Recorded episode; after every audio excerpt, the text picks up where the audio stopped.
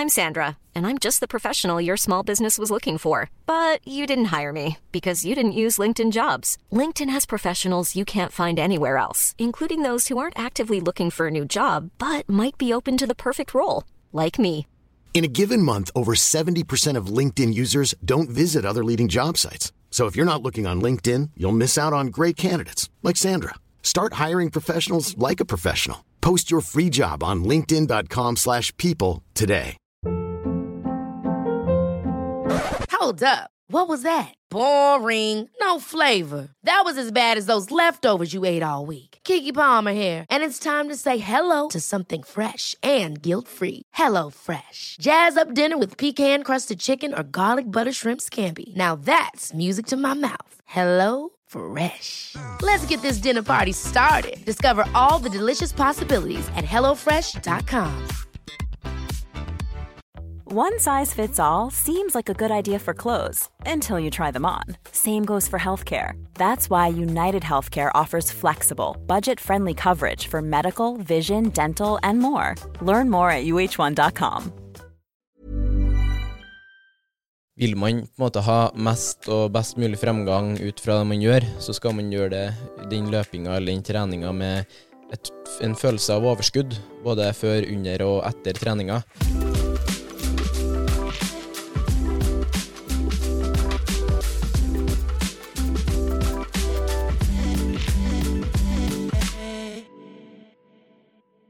Velkommen til treningsprat. Du hører meg, Anders Muren, og Thomas Brun. Og i dag skal vi snakke spesifikt om intensitetssoner. Yes. For det her er jo et begrep som jeg tror egentlig nesten alle har en viss type kjennskap til, men som kanskje ikke mange helt vet hvordan man skal forholde seg til, da. For det, det er jo to ulike ting, da. Ja. Mm. Så Thomas, jeg må jo bare spørre deg med en gang, da. Hva, hva er ditt forhold til intensitetssone? Du, jeg husker da eh, vi startet eh, med coaching, da jeg fikk coaching av deg, hvor du skulle sette opp løpeplanen min. Mm. Eh, og da skrev du sone 2, sone 3, sone 4 som intensitetssoner. Mm. Og da spurte jeg deg hva er det for noe. Ja. Jeg aner ikke hva det er for noe.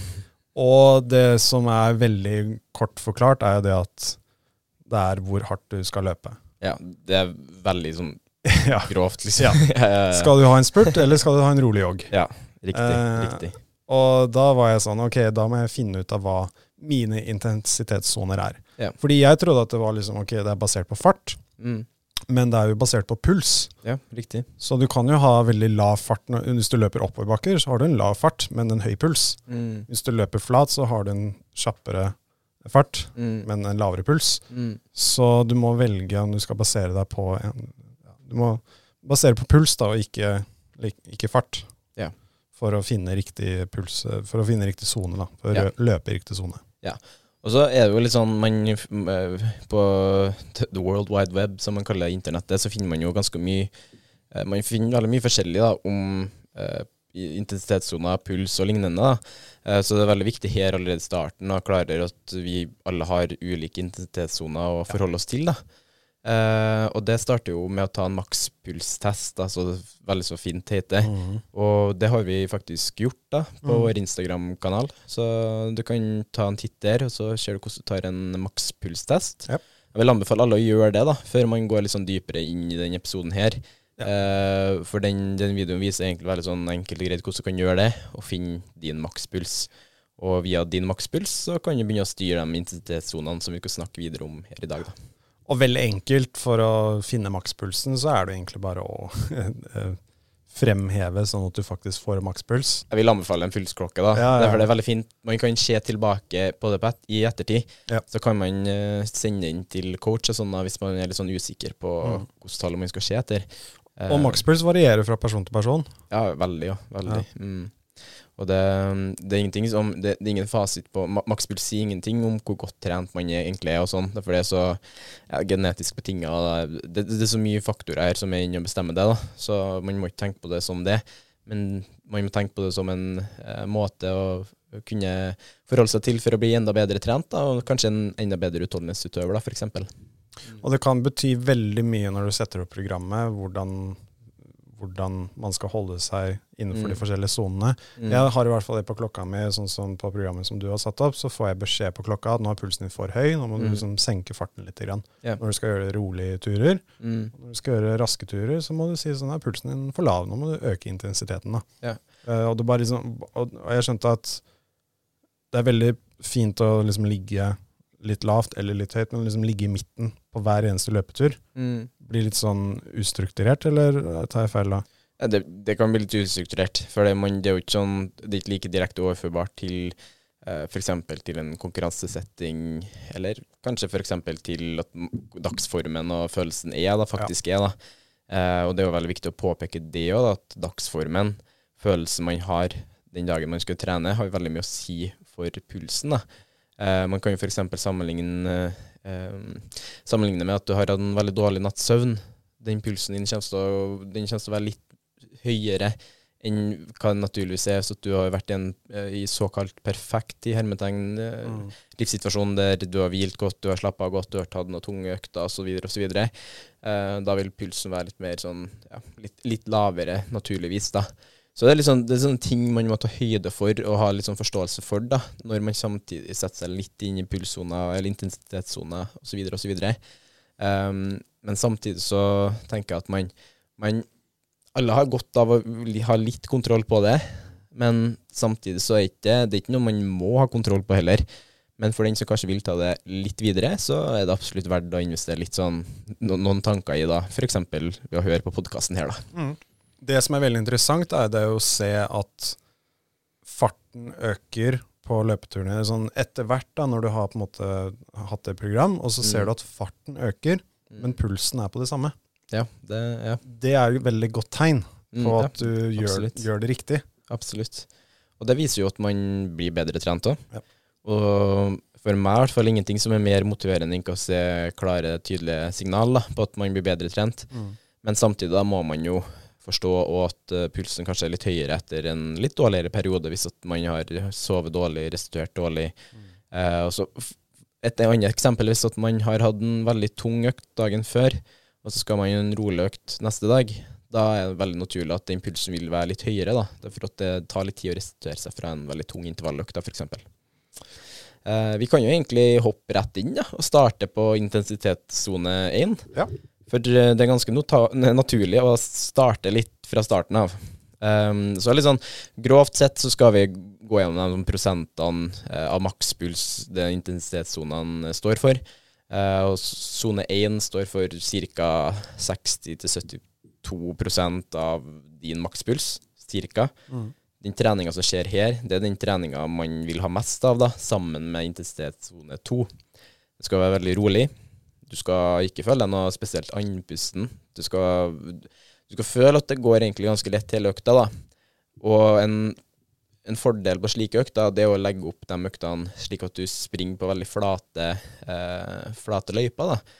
For det er ganske naturlig at når man møter på en liten motbakke og litt nedoverbakke og litt sånn ulendt terreng, som man kaller det, så vil pulsen variere litt òg, da. Det er en sånn pratetest, har jeg skjønt. At du skal kunne holde en samtale. Mm. Veldig enkelt sånn oppsummert. da. Hvis du kan holde en samtale mens du løper, Mm. så er du i sone én eller to, da. Ja, det, det er egentlig veldig sånn godt poeng å si, da, at man kan sammenligne litt sånn. da. Eh, og alle mine sånn sone 1 og sone 2-økter liker jeg bare ta med en kompis, eller ja, ta, ta i en sånn setting der man på en måte kan kanskje forholde seg litt til det. da. For det er litt godt å samtidig kunne eh, ikke trenge å se på klokka hele tida. Ja. Derfor at det er en sånn ting man kan fort falle litt inn i. da. Så min anbefaling på de sone 1 og sone 2-øktene, eh, spesifikt sone 1 her, da, det er å liksom få med seg en, frigjøre seg litt fra klokka, men samtidig være litt bevisst over hvordan man f.eks. prater med den man løper med. da. Det kan være vanskelig, uh, føler jeg, å loggføre de øktene der. Ja. Fordi du vil jo ha en økende progresjon for hver gang du trener. Ja. I hvert fall på løping. Bare sånn, ok, Forrige gang så løp jeg en mil på en time. Mm. Denne gangen vil jeg løpe en mil på 56 minutter. ikke sant? Ja, Jeg, ja, vil liksom, jeg vil gjøre det bedre og bedre hver gang. Ja. Så det kan være vanskelig å da se på snittfarten som er liksom over 6 minutter kilometeren, over 7 Mm. minutter kilometeren. Mm. Sånn, Åh, dette er uh, treigt, på en måte. Ja, og så det er veldig fort gjort da, å falle litt i den at man uh, alltid tror man må løpe raskere for hver økt som går. Det er veldig mange som veldig mange av meg coacher, som faller veldig i den gruppa der. da. Jeg gjorde det Eh, før selv. Ja, og jeg, jeg sjøl har vært der utrolig mange ganger, og fortsatt så finner jeg meg i den situasjonen at jeg tenker over det. da. Um, men så må man tenke, for å kunne løpe så hurtig som du har lyst til om ett år, da, så må man òg godta at noen økter går mye roligere òg. Eh, så man må alltid være sånn bevisst over den målsetningsfasen på lang sikt. da. For hvis man alltid skal løpe raskere og raskere, og raskere, og det har vært fasiten på å nå rekorder, så hadde det egentlig vært veldig veldig enkelt å sånn, Det er veldig enkelt å løpe, men det har vært enda enklere å sette rekorder. da. Ja. Så det er jo ikke sånn det funker. Det, det, det funker ved å ha litt forskjellige nivå av hastighet, og ikke minst pulssoner. da.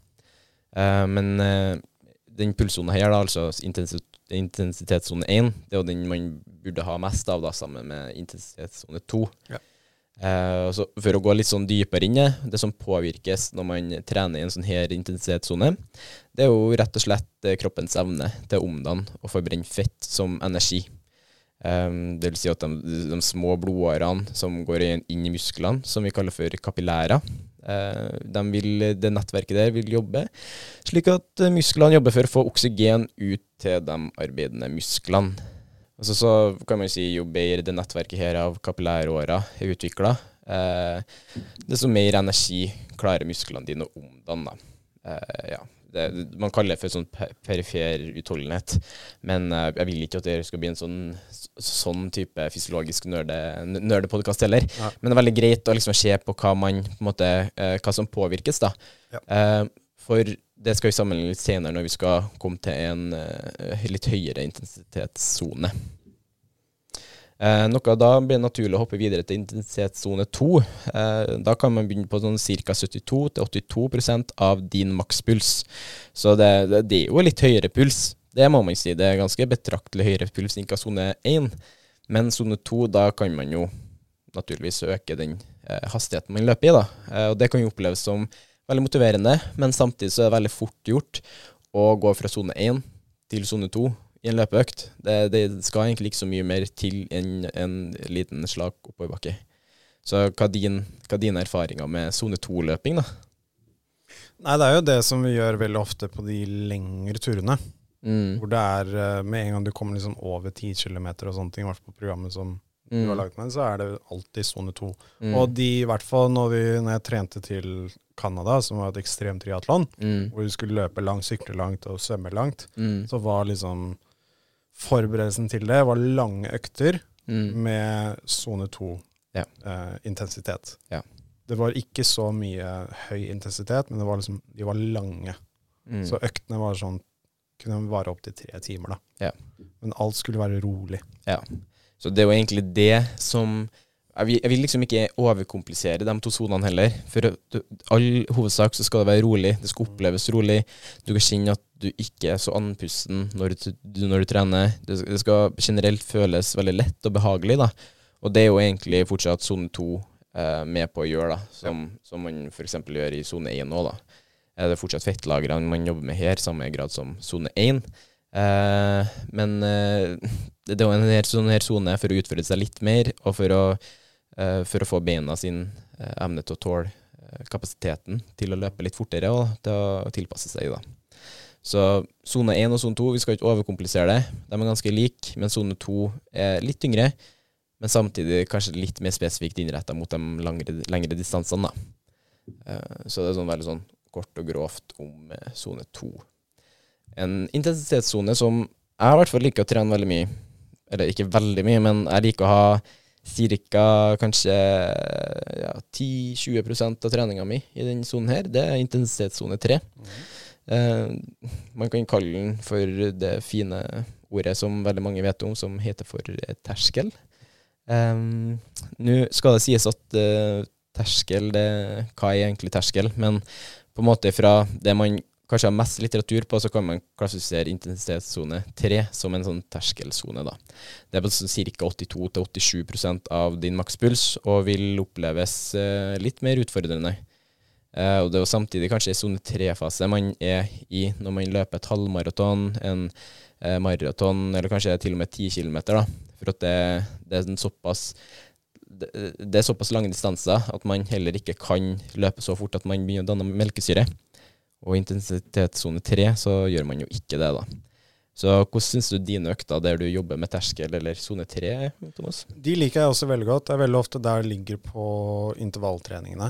Hvor du skal Mm. gjøre lange intervaller, sånn 1 km, 2 km intervaller. Mm. Eller gjøre en sånn ramp-up, hvor du på en måte øker farten hver andre kilometer, f.eks. Mm. Så begynner du å merke det sånn etter hvert at liksom når du fortsatt skal løpe et stykke, da, sånn som du skal jo ikke spurte et par hundre meter bare, men du skal løpe et par kilometer, Ja. da kan du ikke produsere melkesyre, men du skal ligge da, som du sier, rett under. Mm. Hvor du eh, ligger på terskeltempoet ditt. da. Ja, Og her opplever jeg at veldig mange kanskje misforstår litt. At man løper altfor fort. Ja. Eh, meg inkludert, i hvert fall i starten av eh, min, eh, min løpekarriere. At jeg, det var egentlig eh, Det er jo den sonen her på en måte som man burde på en måte være veldig nøye med. da. Eh, og F.eks. hvis man har litt lengre intervaller, og sånn at man innser at hvor hurtig man faktisk er. da. Eh, og hva man faktisk tåler. For eh, veldig mange så hvert fall hvis jeg skal sammenligne meg sjøl når jeg skulle egentlig ha sone 3-trening for min del, så endte jeg opp med å løpe en så, kanskje 30 sekunder raskere per kilometer enn hva jeg egentlig skulle gjøre. Og det er jo helt urealistisk å skal gjøre det inn i et halvmaraton som kun er tolv uker unna. da. Um, så liksom Det jeg vil med det, det jeg vil få fram med det, det er jo at ikke overdrive den hurtigheten man egentlig skal ha på en slik økt, for at man kommer til å få veldig mye gevinst tilbake. Og ikke minst så får man en bedre kjennskap til sitt faktiske nivå Ja. under en konkurranse òg, da. For det, jeg, kan, jeg kan love alle sammen at det er sinnssykt kjedelig å komme inn til en 10 km eller halvmaraton da, og tro at man er mye raskere enn hva man egentlig er. Og så har man kommet, kanskje kommet halvveis, og så stivner man helt. da. Um, så kan jo egentlig bare si at um, det, det viktigste her er at man prøver å holde høy fart over lengre tid, men ikke så høy fart så at man stivner eller får melkesyre. Jeg tror det var du som skrev på, på Instagrammen eller sånt, et sted hvor du skal ha en høy fart, mm, og når du gjør intervallet f.eks., så skal det være in Intensiteten skal være høy, mm, men du skal kunne gjøre en til etter du er ferdig. ja, det Du skal stemmer. kunne gjøre én kilometer til etter du er ferdig. Du skal Stemmer ikke være flatt på bakken og være helt kaputt. Helt riktig. Du skal ha litt overskudd igjen. Mm. Nei, det er egentlig helt riktig. Og det er grunnen til at man skal ha igjen det overskuddet, for at man skal faktisk ha noe å gå på til enten senere økter i uka, eller at det skal på en måte realiseres inn mot en konkurranse, da, der du faktisk eh, Ja, hvis du løper et halvmaraton på 21 km, så er det jo naturlig at du, du på en måte skal Du blir mer sliten av å holde et veldig høyt tempo i 21 km. Så hvis du har en intervalløkt på 2 km, er det ganske unaturlig å skal pushe ut alt på den Ja. 2 kilometeren. For det er jo ikke overførbart til den halvmaratonfarta du egentlig har, da, f.eks. Uh, og det, det kan jo være litt sånn komplisert for mange å tenke uh, ja, men jeg vil jo bare trene. Uh, men samtidig vil jo veldig mange trene for å oppnå eh, på en en, en god sluttid. da. Og hvis man på en måte klarer å skille litt ifra eh, hvor Hvis man klarer å skille f.eks. sone 3, sone 4, sone 3 og sone 2, så er det enda lettere å hente inn de sekundene man veldig gjerne ønsker å hente inn. da. Um, og det har jeg jo sett på deg òg, f.eks. Eh, vi kan jo sammenligne det med Det var jo Oslo Maraton i 2021. Ja, I fjor. Det var 10 km. Jeg løp halvmaraton da. Ja, halvmaraton. Når Ja. var det løp 10 km? Det var Um, jeg, gjorde, jeg gjorde I fjor så gjorde jeg Bygdøymila. Ja, sånn. Uh, løp jeg på 47, tror jeg. 48, noe sånt nå. Ja. Og så gjorde jeg sentrumsløpet. Ja, sentrumsløpet var det, vet du. Ja. Stemmer det. Ja. Den løp jeg på 45,01 eller annet. Ja. Sånn 45,10 eller noe sånt. Nå. ja, stemmer det. Og Sånn så var det Fornebu Triple etter det. Ja. Da løp jeg også 10. Men da hadde jeg løpt 3 og 5 først. Ja. Det, Det, så da, da kan man jo på en måte, når man kjører Sammenligner sånn, da, eh, da, da ser man jo på en måte viktigheten av å ha den strukturen på eh, den faktiske farta man skal holde. da. Ja.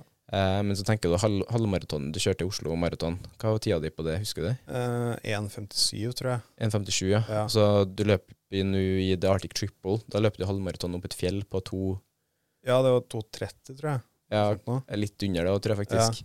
Og det viser jo at et halvmaraton med veldig masse høydemeter Ja, og veldig bratt nedover, og at det skiller egentlig bare 20, 25 cirka minutter på en måte på den flate halvmaratonet og den halvmaratonet opp, opp, opp et fjell og i ganske krevende forhold. Det sier jo en del om at man har eh, lagt ganske god, god sånn grunnlag for treninga si. da. Og det har jo skjedd i bl.a. intensitetssone 3. da. Ja.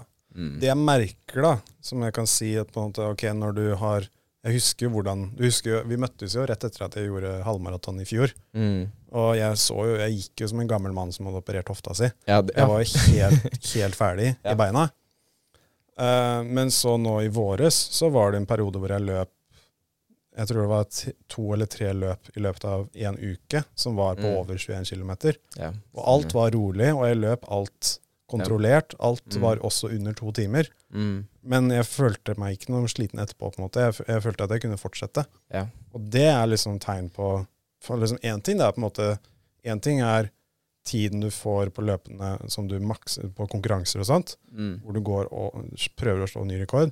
En annen ting er hvordan du føler deg dagen etter. Ja, ikke minst. Og vi kan jo f.eks. si det på den 10 km, eller du liksom ja, 10 km og halvmaratonet, der du dagen etterpå følte egentlig Følte ikke at du kunne trent på mange, mange dager. Ja. Og nå har du kommet hjem fra The Arctic Triple og føler at du kan egentlig ta den Ja, løpeøkt uh, ganske lett. da. ja Samme, samme var det jo Ironman i Mallorca. Ja. Du Kanskje litt sånn småstiv og støl, men ikke noe annet enn at du, du, du, kunne jo, du kunne jo gå lengre distanser. Du kunne sikkert tatt en joggeøkt òg, liksom. Ja, Du kunne, sånn, du kunne ha gjort det, men så må man jo innse at man burde jo ikke, da. Nei, nei. Ja. Men etter halvmaratonet i fjor så måtte jeg ta en uke pause etterpå. Ja, stemmer.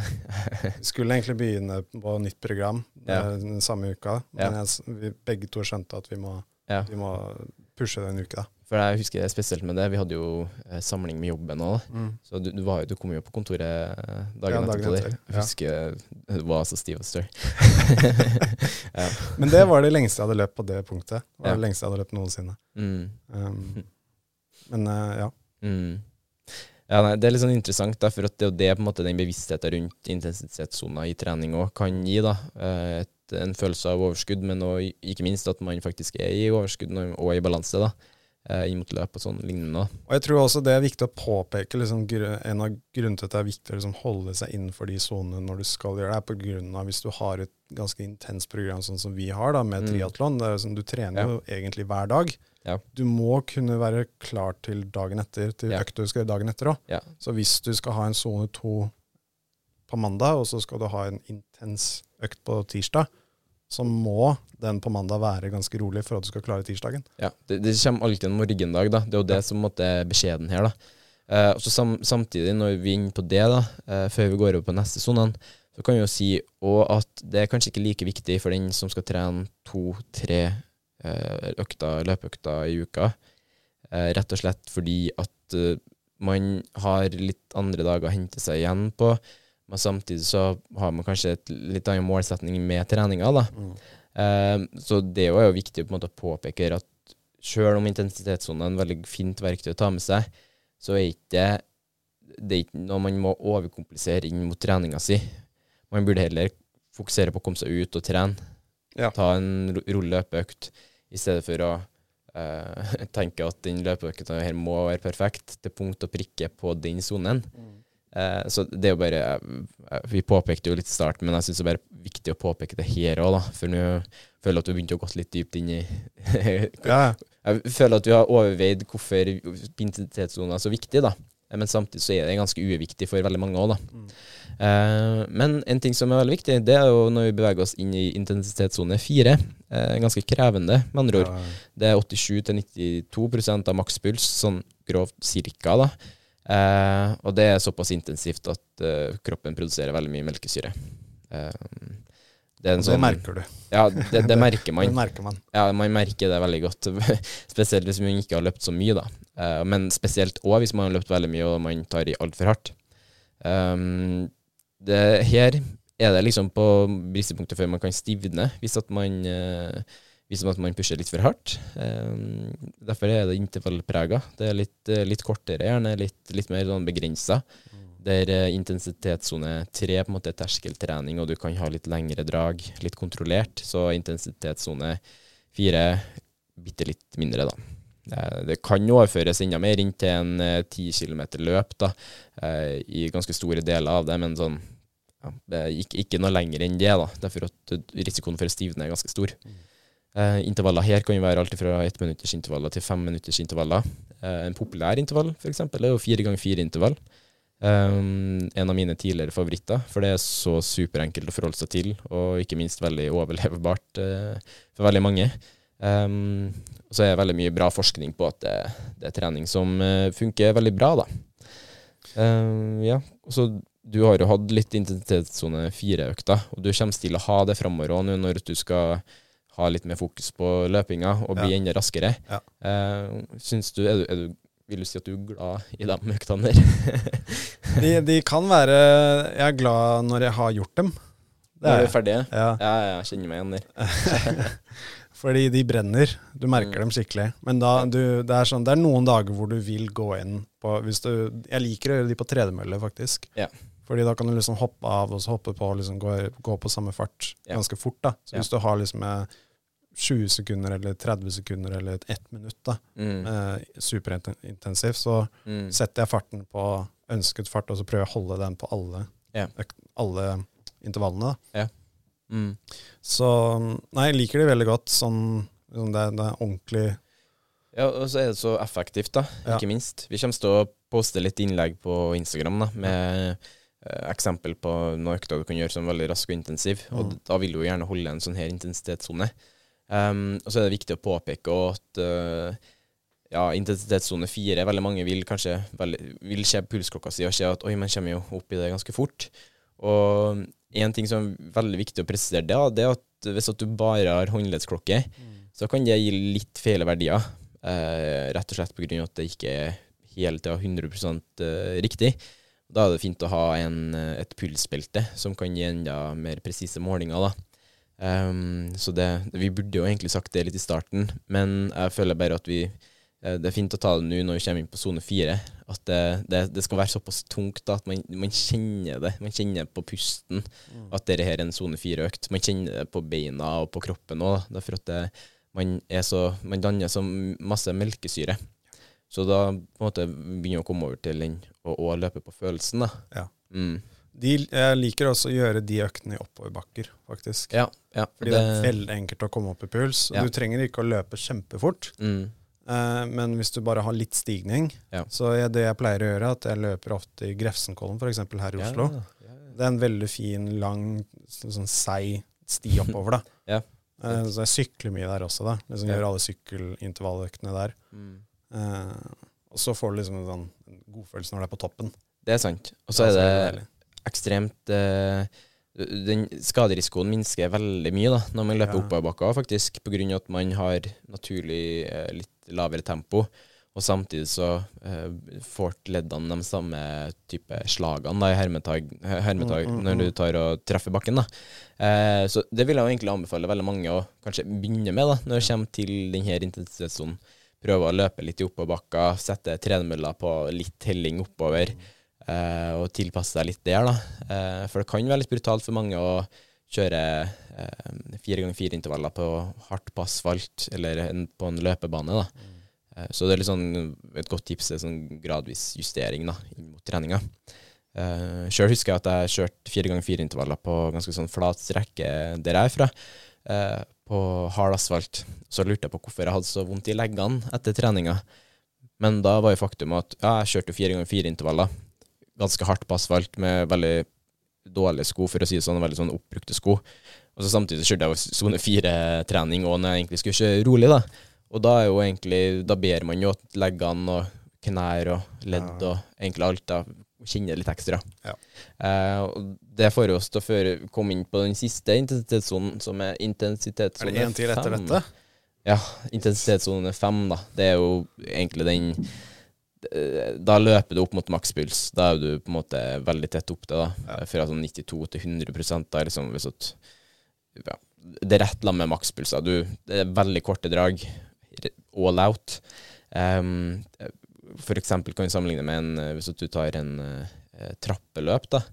Eh, eller motbakkeløp, eller eh, en sprint, da og du går all out, da begynner du å nå intensitetssone fem.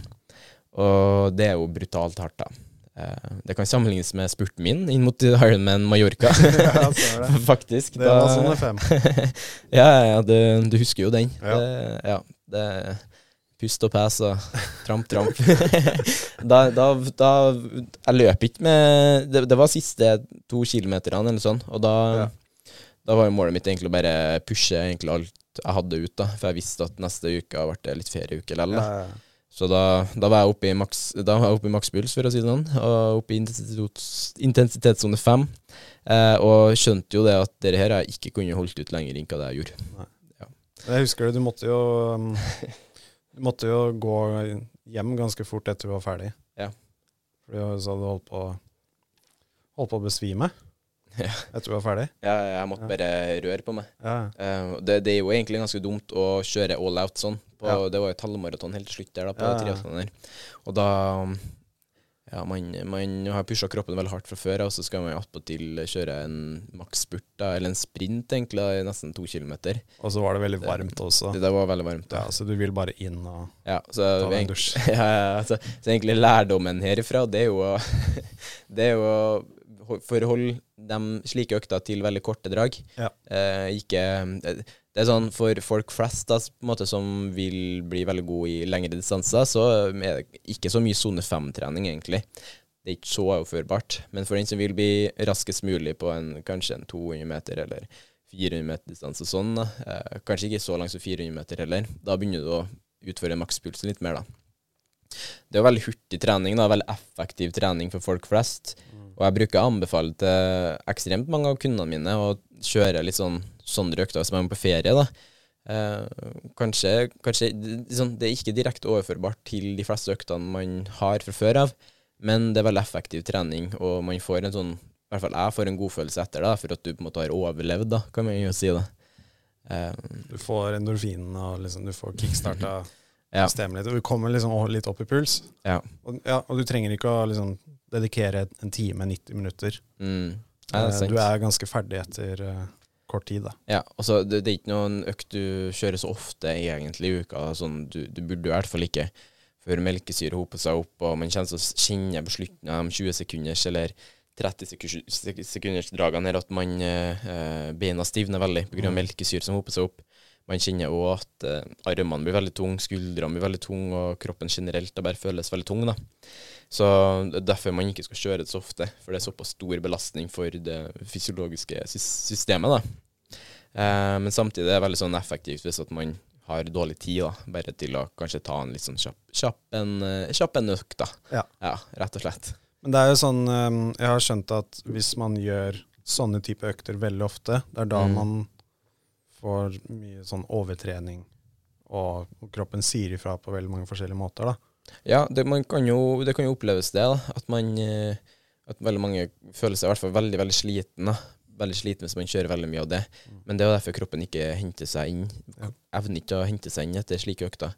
Det tar jo jeg vet ikke presist hvor lang tid det tar, men kan jo ta opptil 48 timer før man er fullt restituert fra en sånn økt.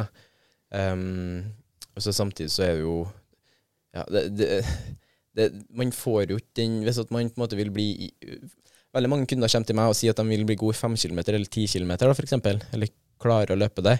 Da er det ikke noe vits å løpe sånne her intervaller, av at det er, så, det er så kort og ikke så overførbart. da. Ehm, men en gang iblant er det jo greit hvis man har dårlig tid og vil bare få trent og få gjort noe. da. Ehm, men samtidig så på en måte, det kommer an på målsetningen nå. Hvis man ikke har like mye Hvis man på en måte har mål bare om å få til tre styrkeøkter, så kanskje ha en morsom bonusøkt, så er det jo veldig fint å kjøre, ja, kjøre en sånn eh, Jeg tror det heter for geriljakardio. Ja, Det er når man kjører 20 sekunder fullt ut, med 10 sekunder pause. Det er jo et eh, godt eksempel på en sånn intensitetssone fem-økt. Ja, Jeg hadde en eh, PT-time med en sånn PT som likte å bruke de siste fem minuttene Ja. bare på å slite det ut. Ja. Han var sånn eh, Men jeg sa til henne også bare sånn Jeg har fri fra programmet denne uka her, Ja, okay, ja. så jeg noe Jeg skal ikke trene i morgen eller dagen etter eller noen sånne ting. Ja. Så da introduserte han aktiv pauser, ja, ok. som var mellom knebøy, så skulle gjøre sånn box jumps. Oi, oi, oi. Med bøyde knær hele tiden. Du får liksom ikke spretta opp. da Du skal liksom ha bøyde knær og så bruke Ja du, føttene dine. ja, du jobber jo bare med Ja, nei, Ja, det, det var liksom Det var pausene i gåseøynene hans. da Og så slutten var at vi skulle ha sånn slede eller hva det er, hvor du putter masse vekter på, Ok. og så dra den bortover. da Uten pause, sikkert. Ja, ja, Det var bare sånn frem og tilbake. Og pausene der var fem pullups Og så skulle gjøre det tre ganger. Og så var det også trappeløp. Så bare sånn her, Gjør sleden frem og tilbake, løp trappene, ta fem pullups, og så gjør sleden frem og tilbake. Ja. Det var sånn, Intensjonen hans var liksom sånn du skal, du skal ligge på gulvet og være ferdig, da. ja, okay. Men jeg sa sånn, det, det er ikke så ofte vi gjør det, men hele, poenget mitt med det var at eh, noen har, spør jo oss noen ganger bare sånn Ja, men når du trener så mye, Mm, liksom, for, er det ikke hva med overtrening og sånne ting? mm, Så sier jeg bare sånn her Vanligvis så ligger jo øktene våre i sone én eller to. Ja. Det er lange, rolige sykkeløkter, lange, rolige svømmeturer, lange, rolige løpeturer. mm. Det er ikke så ofte hvor vi Men det er veldig strukturert Ja. med tanke på hvordan vi setter opp programmet. Ja. At vi liksom har mesteparten av øktene ganske rolig, Mm, med intensive økter med mm. godt mellomrom mellom hverandre. Ja.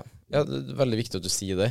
For at det er liksom Man, man kan tillate seg de litt tyngre øktene òg. Og jeg tror veldig mange syns det er litt godt å få kjent på bare den følelsen. da. Em, samtidig er det veldig viktig å påpeke at trener man veldig masse, så må 80% av den treninga der, den må være rolig og kontrollert, og ikke minst, man, man må føle at man er restituert fra møktene. øktene. Ja. Uh, og det kan man jo finne med f.eks. med hvordan man sov, sover om nettene, og ja, hvordan man føler seg om dagene.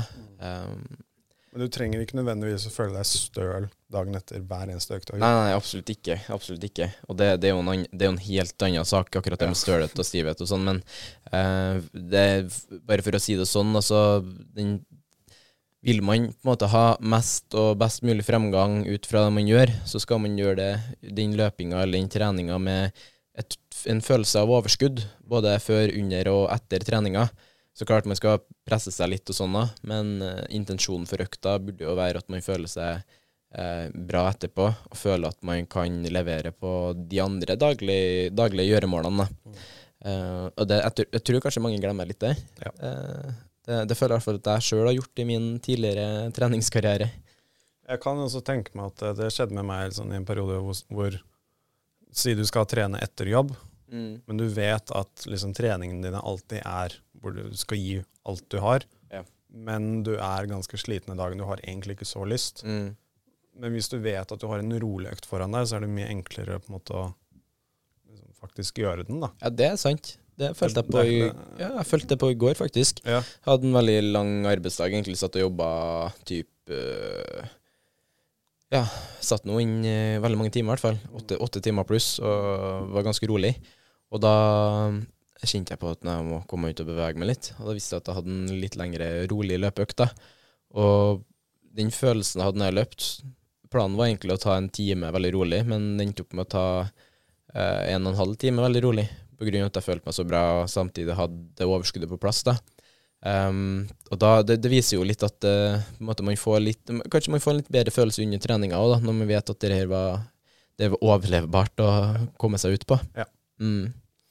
Så er liksom sånn måte det, den, den beskjeden herfra er jo måte å være litt sånn fornuftig under treninga og kjenne sine egne krav. på en måte. Men samtidig så tror jeg veldig mange har litt godt da, av å kunne ha litt bevisst forhold til pulssoner og sånne, i hvert fall når man trener løping og eh, sykling og svømming. Og da er det veldig viktig igjen å komme inn på at uh, den makspulsen du har i løping, det er ikke makspulsen du har i sykling og svømming. Nei. Det er ikke overførbart uh, i det hele tatt. Eh, så der må man jo ta egne individuelle tester, da. Men her har vi jo overordna gått gjennom makspuls og sånn for løping, da, altså pulssoner for løping. da. Ja. Um, så en annen ting, da, veldig mange sånn, Bare sånn litt på slutten her nå, så er det veldig mange som sier til meg at ja, men pulsen min kommer opp så fort under løpeøktene, og det er litt sånn frustrerende, eh, for jeg vil løpe kjappere, jeg føler jeg kan løpe mer. Eh, da kan det være veldig viktig og riktig å se på løpeteknikken sin.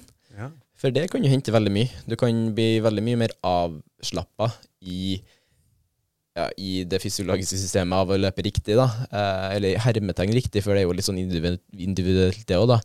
Men eh, på Instagram-profilen vår så har vi jo lagt ut en eh, litt sånn ja, typiske feil man kanskje gjør da, i forhold til holdning og sånn på løping, og hva man kanskje heller burde fokusere på. da. Eh, bare det kan jeg egentlig Jeg kjente sjøl når, når vi spilte inn videoen at jeg sparte jo en del puls på å løpe i hermetegn riktig. da. Eh, så det er et sånn supertips da, helt på slutten her. Mm. Absolutt. Og så til slutt her nå, så har vi jo en liten sånn uh, Vi har en sånn greie pågående med ukens økt. Mm. Og siden vi snakker om pulssoner, og egentlig alle slags mulige pulssoner, så vil jeg si at ukens økt, det er en veldig rolig løpeøkt. Ja, vi tar 30-60 minutter, ja med rolig løping, veldig rolig intensitet, eh, der du aktivt kjenner at du egentlig ikke sliter med å bli andpusten, og du kjenner mer på litt senka skuldre, og du, du, du kjenner at treninga gir deg en følelse av overskudd. da. Så det er på en måte en veldig sånn enkel, men veldig effektiv uh, ukens økt. jeg tror mange har godt av å ha den påminnelsen i hverdagen at, uh, at, at trening på en måte skal ikke være så skal ikke være brutalt forferdelig, da. Um, så det er min ukens økt til folket. Høres ut som en veldig hyggelig, rolig tur. Og det man kan gjøre hvis man vil på en måte teste om man er på riktig nivå, det er å enten ringe noen mens du jogger, ja. eller jogge med noen og ja. slå av en prat. Ja, det... Hvis du klarer å prate under hele turen, så er du på riktig nivå. Ja, da har vi egentlig gått gjennom en uh, veldig sånn håper, håper, folk føler at man har lært noe nytt her, da, og syns det var litt interessant å høre. Men hvis dere har noen spørsmål, så er det bare å skrive til oss på Instagram, eller sånne ja. ting, så svarer vi det der. Ja, for vi kommer til å kjøre en veldig sånn aktiv spørsmålsrunde på uh, Instagrammen vår rundt det temaet her denne uka her. Ja. Eh, og så hvis dere har noen andre spørsmål, da, fyr løs. Vi tar imot alt sammen og tar med oss videre. Yes, absolutt. Takk for at du hørte på. Ha det bra.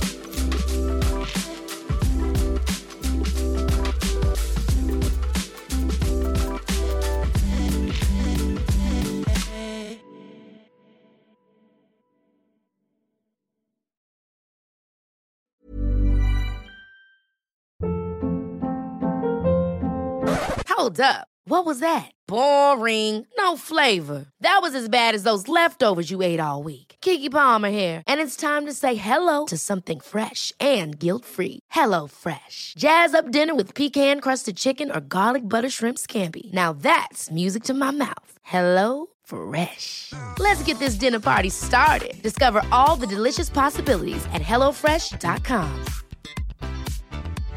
Imagine the softest sheets you've ever felt. Now imagine them getting even softer over time. That's what you'll feel with Bowl and Branch's organic cotton sheets. In a recent customer survey, 96% replied that Bowl and Branch sheets get softer with every wash. Start getting your best night's sleep in these sheets that get softer and softer for years to come. Try their sheets with a 30-night guarantee. Plus, get 15% off your first order at bowlandbranch.com. Code BUTTERY. Exclusions apply. See site for details.